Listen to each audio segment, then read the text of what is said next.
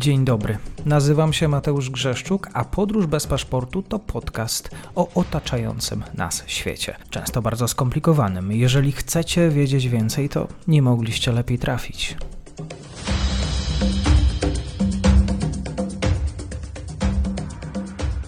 Dzień dobry Państwu, dzień dobry wszystkim słuchaczom. Znany, lubiany przez Państwa gość, wielka przyjemność, Marek Meissner po drugiej stronie, kłaniam się. Dzień dobry Mateuszu, dzień dobry Państwu.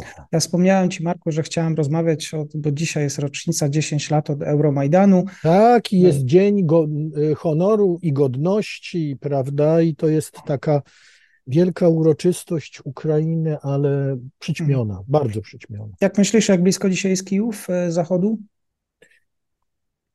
Znaczy, czy można powiedzieć, na pewno jest o wiele bliżej zachodu. Myślę, że myślę, że mm, miałby duże szanse w przypadku dobrego dla Ukrainy zakończenia wojny, szybkiego stowarzyszenia z Unią Europejską.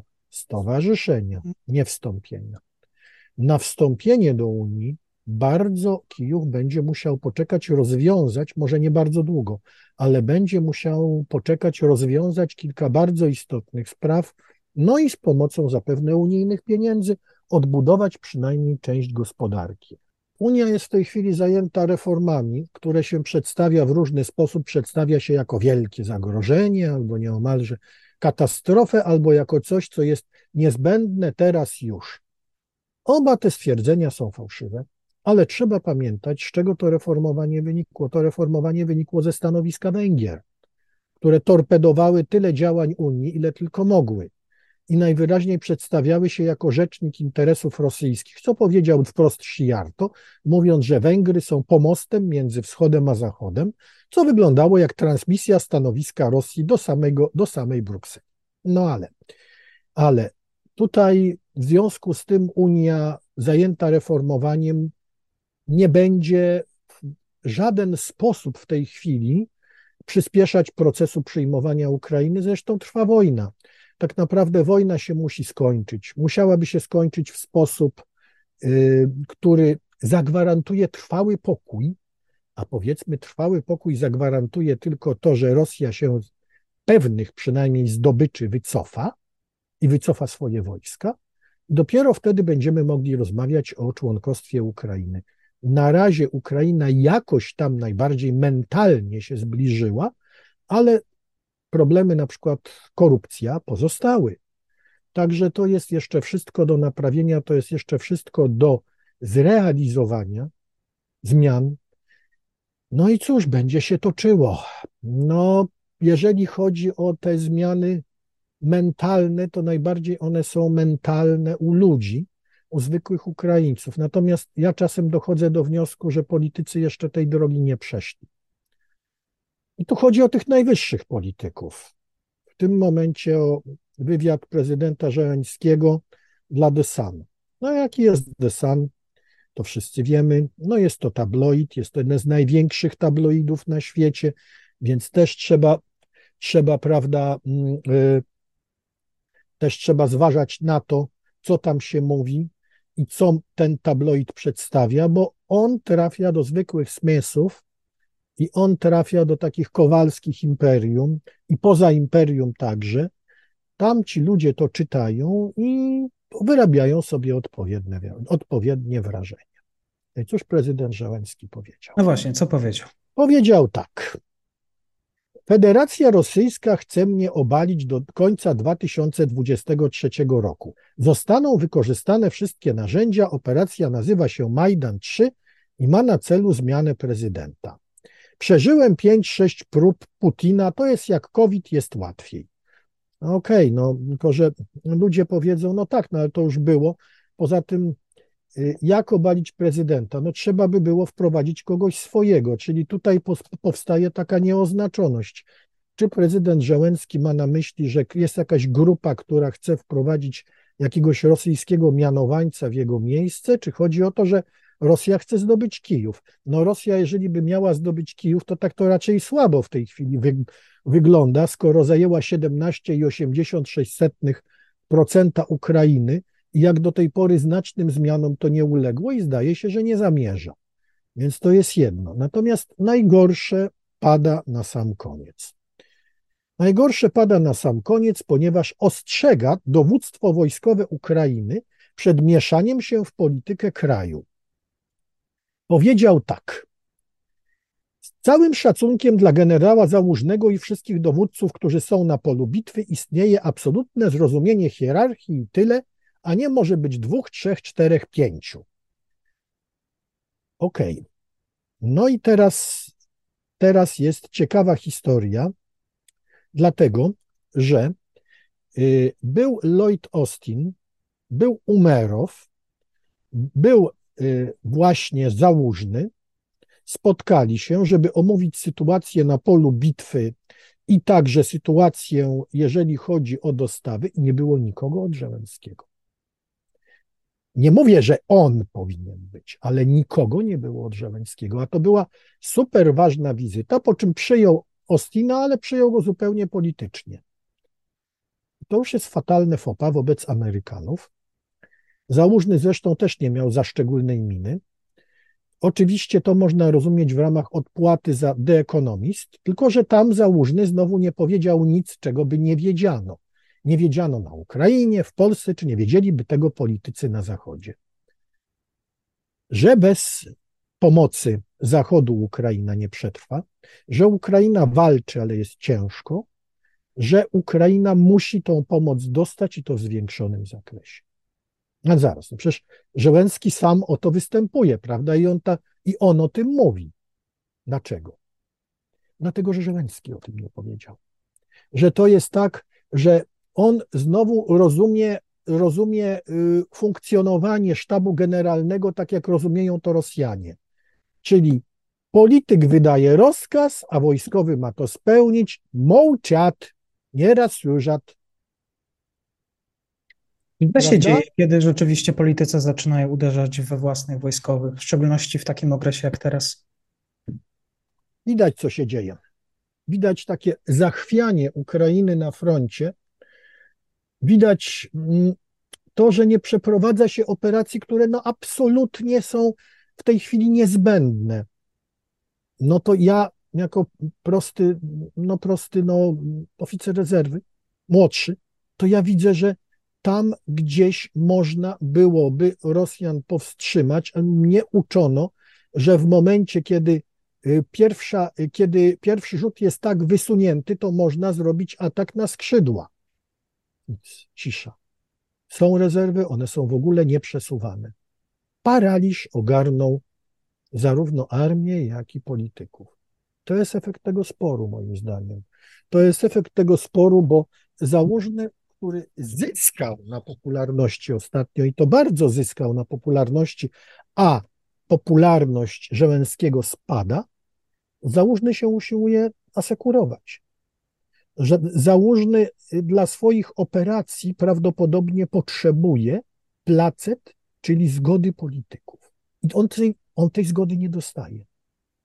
On tej zgody nie dostaje, bo prawdopodobnie ktoś, ktoś w przywództwie politycznym mówi, a niech wtopi, stracimy trochę ziemi, ale powiemy, że to on nie jest, że to on jest winny, tak jak było z Syrskim. Powiem tak, już atak na Syrskiego w wojsku zrobił bardzo złą krew. A teraz jeszcze atak na Załużnego, no moi znajomi, którzy walczą, walczą są po prostu wściekli. Mówią, że to jest, że tego wszystkiego będą słuchali na Zachodzie i mówią, słuchaj, przecież oni dojdą do wniosku, że nie warto inwestować w Ukrainę, skoro mamy niekompetentnych generałów. I o tym mówi prezydent. Generałów, którzy chcą być politykami. A prawda jest taka, że to prezydent jego otoczenie usiłowało być wojskowymi, oficerami. Skąd się wzięła obrona Bachmutu do ostatniego człowieka? Wykrwawianie się w Bachmucie. Skąd?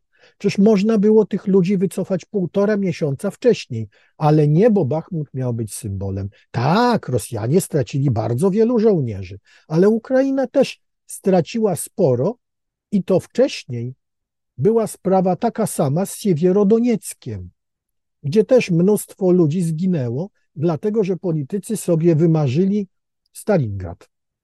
Tylko Stalingrad ukraiński. Jaki był efekt? Rosjanie i tak Siewierodonieck zdobyli, a Ukraińcy potracili sporo sprzętu i ludzi. A można było się cofnąć na pozycje na wzgórzach, które były od razu gotowe. I zrobić Rosjanom, którzy chcieli wejść do miasta, po prostu piekło z artylerii. Nie.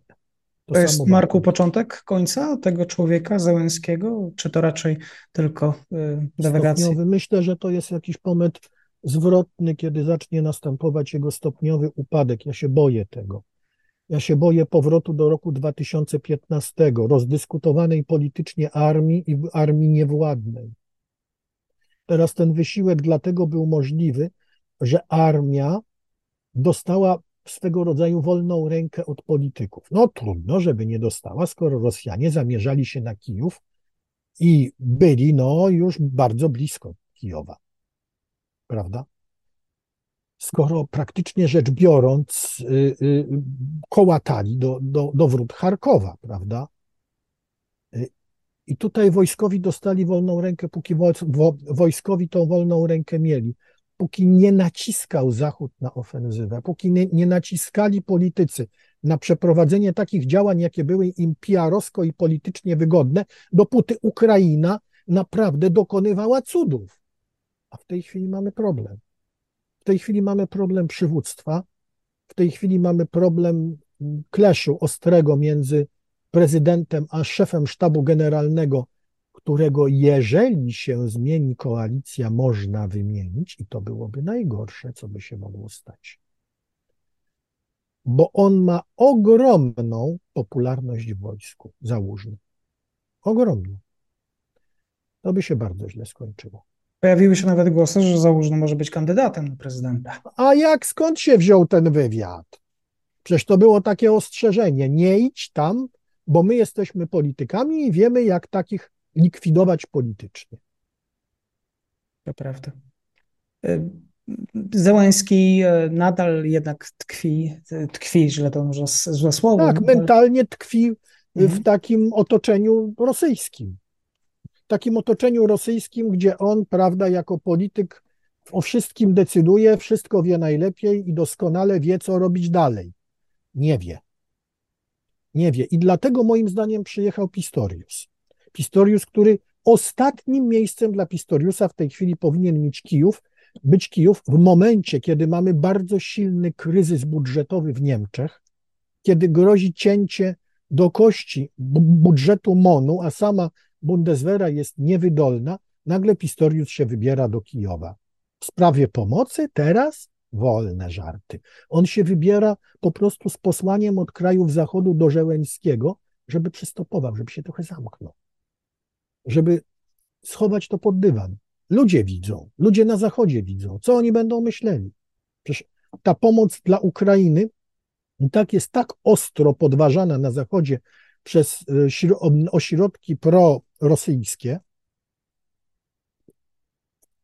Jeszcze doszedł Trump, Trump, mm, który jednoznacznie mówi, że nie będzie żadnej pomocy dla Ukrainy, on zakończy wojnę w dwa dni, co wiadomo, skończy się przehandlowaniem po prostu Ukrainy za jakieś tam korzyści wizerunkowe. A to Załęski nawet powiedział, że chętnie spotka się z Trumpem i porozmawia o tym jego planie pokojowym, jeżeli rzeczywiście ma jakiś pomysł na rozwiązanie konfliktu. Trump się z nim nie spotka, bo on, nawet on nie ma żadnego planu, to po prostu zostało rzucone w Iowa na zasadzie ja jestem taki mądry, inteligentny, lepszy niż Biden.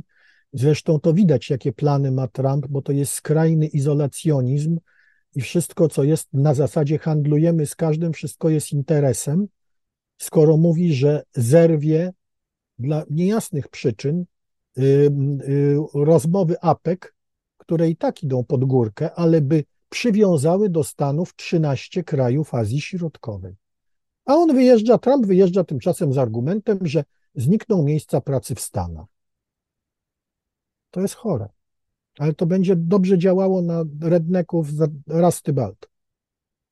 Wspominałeś, Marku, jeszcze o kolejnym froncie, który czeka Ukrainę. Ten kolejny front nam się klaruje dosyć daleko, bo na Morzu Czerwonym, a zaczął się od zajęcia Galaxy Leader, kontenerowca samochodowca przez siły Houthi. Teraz bardzo istotna sprawa. Taka, że jak my mówimy milicja Huti, to sobie wyobrażamy facetów w sandałach albo w trampkach latających z kałasznikowami.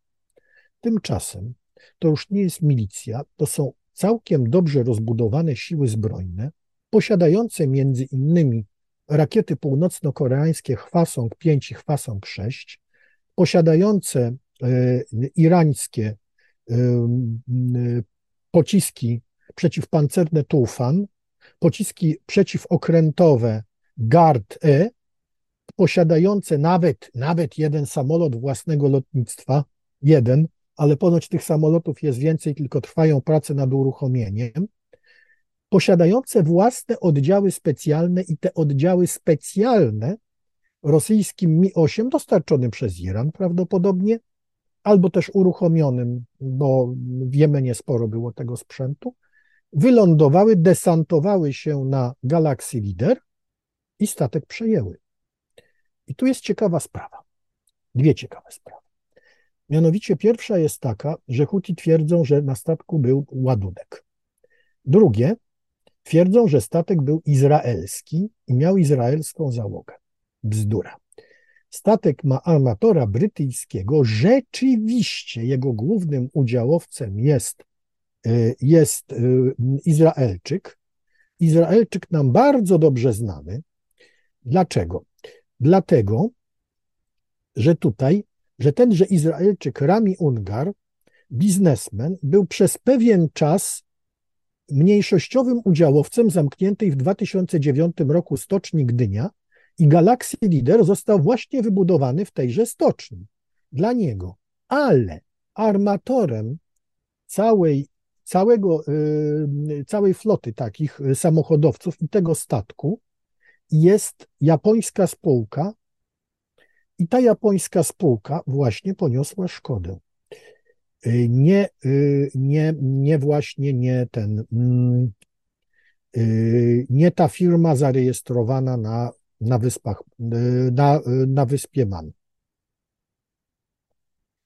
Tenże armator japoński, Nyk, zaprzeczył, że tam jest jakikolwiek, jakikolwiek Izraelczyk, jest 25 osób w, w załodze z Bułgarii, Meksyku, Filipin i Ukrainy, co mi się udało stwierdzić, to jest to, że nie ma Polaków. Od, od, odezwało się zresztą w sprawie tego porwania IDF, rejon odpowiedzialności, no to trudno się dziwić, że IDF się odezwało, które tradycyjnie stwierdziło, że oznacza to zagrożenie, że oznacza, że mm, tutaj y, jest poważny incydent o konsekwencjach globalnych, no to jest jasne, no i w tym momencie co dalej? Bo Huti zagrozili, że oni będą porywać każde statki, zwłaszcza te, które będą szły z, izraelski, izraelskich portów. Iran oczywiście zaprzecza, mimo że Huti są kontrolowani przez nich, twierdzi, że wszystkie te milicje działają niezależnie. No pewnie tak jak Hamas działa niezależnie. No i teraz pytanie, kto zyskuje? No oczywiście zyskuje Iran. Zyskuje Iran. Y, i ciekawe, kto zyskuje. Rosja zyskuje. Dlaczego? Kolejny front, który odwraca uwagę od Ukrainy. To po pierwsze. Po drugie, już zaczyna się dyskusja, że takim próbom nie można zapobiec bez wysłania floty. Czyli na pewno będzie to flota państw NATO, prawda? Jeżeli to będzie flota państw NATO, to po prostu niemożliwe, żeby nie było tam Amerykanów, prawda? No jeżeli y, y, niemożliwe, żeby nie było tam Amerykanów, to w takim razie w tej sytuacji, y, no cóż, praktycznie będą wszystkie siły NATO. Jeżeli będą wszystkie siły NATO, to znowu się rozdrobni cały wysiłek natowski, prawda? Całkowicie się rozdrobni. No i będzie znowu kolejny, kolejny kawałek świata do, do pilnowania. Bliski Wschód, Morze Czerwone, no i Ukraina coraz bardziej tracić będzie na, na, na znaczeniu. Ale jest jeszcze ktoś, kto bardzo traci. Chiny. Dlaczego tracą Chiny? Dlatego, że to one zmontowały porozumienie Arabii Saudyjskiej z Iranem i to im zależało na tym, żeby uspokoić i wygasić wojnę w Jemenie. I to obiecał im Iran. I w tej chwili dyplomacja chińska nie dość, że została całkowicie wystawiona do wiatru, to jeszcze skompromitowana, a y, Arabia Saudyjska odnowiła sojusz, praktycznie odnowiła ze Stanami Zjednoczonymi. Czyli wszystko wróciło na dawne tory, a Iran ma tylko zyski krótkoterminowe, natomiast myślę, że Chińczycy y, pokażą szybko, prawda, swoją, okażą swoją de dezaprobatę bardzo szybko. Tak, wracając do Bliskiego Wschodu, Załęski tak już e, chyba powiedzmy stracił poparcie państw arabskich, a na pewno nie zanosi się na coś nowego. Właściwie to on nigdy tego poparcia nie miał, dlatego że cały czas mu wypominano pochodzenie, cały czas mu, wy, mu wypominano, że mm, arabscy bracia są szykanowani w Ukrainie. I tutaj Rosja się przed, przedstawiała jako obrońca arabskich braci, jednocześnie robiąc y, łapanki na ciornych i wysyłając ich do, do, y, y, na front, do pułków i batalionów operacji specjalnych. A tu mamy taki bardzo ciekawy motyw. Niedawno była promocja oficerska w Rosji. I na tejże promocji oficerskiej pokazano kilkunastu mulatów oraz naturalizowanych y, mieszkańców Czarnej Afryki, promowanych na stanowiska rosyjskich oficerów. Nakręciła to RT News i puściła, jakże, no program dla Afryki. Popatrzcie, możecie być u nas oficerami. To nie tak jak tej, na tej nazistowskiej Ukrainie, gdzie was wszystkich będą gonić. Działania propagandowe rosyjskie są może toporne, ale czasem skuteczne. Marku, to jeszcze Cię zapytam na sam koniec. E, e, właściwie tak mówi się też o, o, tym, że Rosja szykuje się do kolejnej, znaczy kolejnej, do swojej zimowej ofensywy. Czy, czy Ty właściwie podzielasz opinię ekspertów? Tak, myślę, że tak, ale trzeba czekać, aż naprawdę będę, będzie te 10 dni z temperaturami poniżej e, minus pięciu, zmrozi ziemię, zmrozi wszystkie bagniska, zmrozi drogi gruntowe. Dopiero wtedy myślę, że też potrzebne to, co do ofensywy zwykle jest, czyli polowe składy amunicji i sprzętu, wystawienie tego sprzętu, e, wejście w rejony wyjściowe oraz grupowania. Zajmuje to czas. Nie jest tak, że to można zrobić tak zaraz. Ja myślę, że gdzieś koniec lutego to byśmy się mogli spodziewać, druga połowa. Dlaczego? Dlatego, że w lutym wejdą na teatr operacyjny te jednostki, które były złożone z żołnierzy, którzy szkolili się od y, końca sierpnia. Tamten pobór. I wtedy, wtedy Rosjanie będą mieli duży zastrzyk nowych ludzi. No oczywiście pytanie, czy Ukraińcy ich nie dostaną. Oczywiście, że dostaną. Pytanie, czy Ukraińcy sobie poradzą mm, do tej pory z własnym przywództwem wojskowo-politycznym, czy sobie poradzą w ciągu najbliższego miesiąca.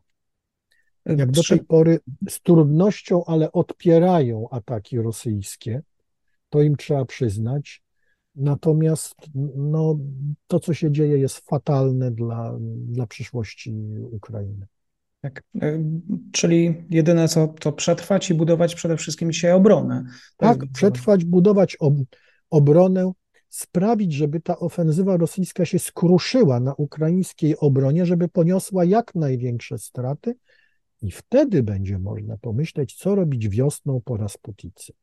Marku, bardzo dziękuję za dzisiejsze spotkanie, za Twoją wiedzę. Państwu dziękuję tradycyjnie za słuchanie. Dziękuję bardzo. Do widzenia Państwu. Do widzenia, Mateusz. Dziękuję serdecznie za odsłuchanie tej audycji. Zachęcam oczywiście do kliknięcia subskrybuj, obserwuj oraz wsparcia mojej pracy na serwisie Patronite. Do usłyszenia.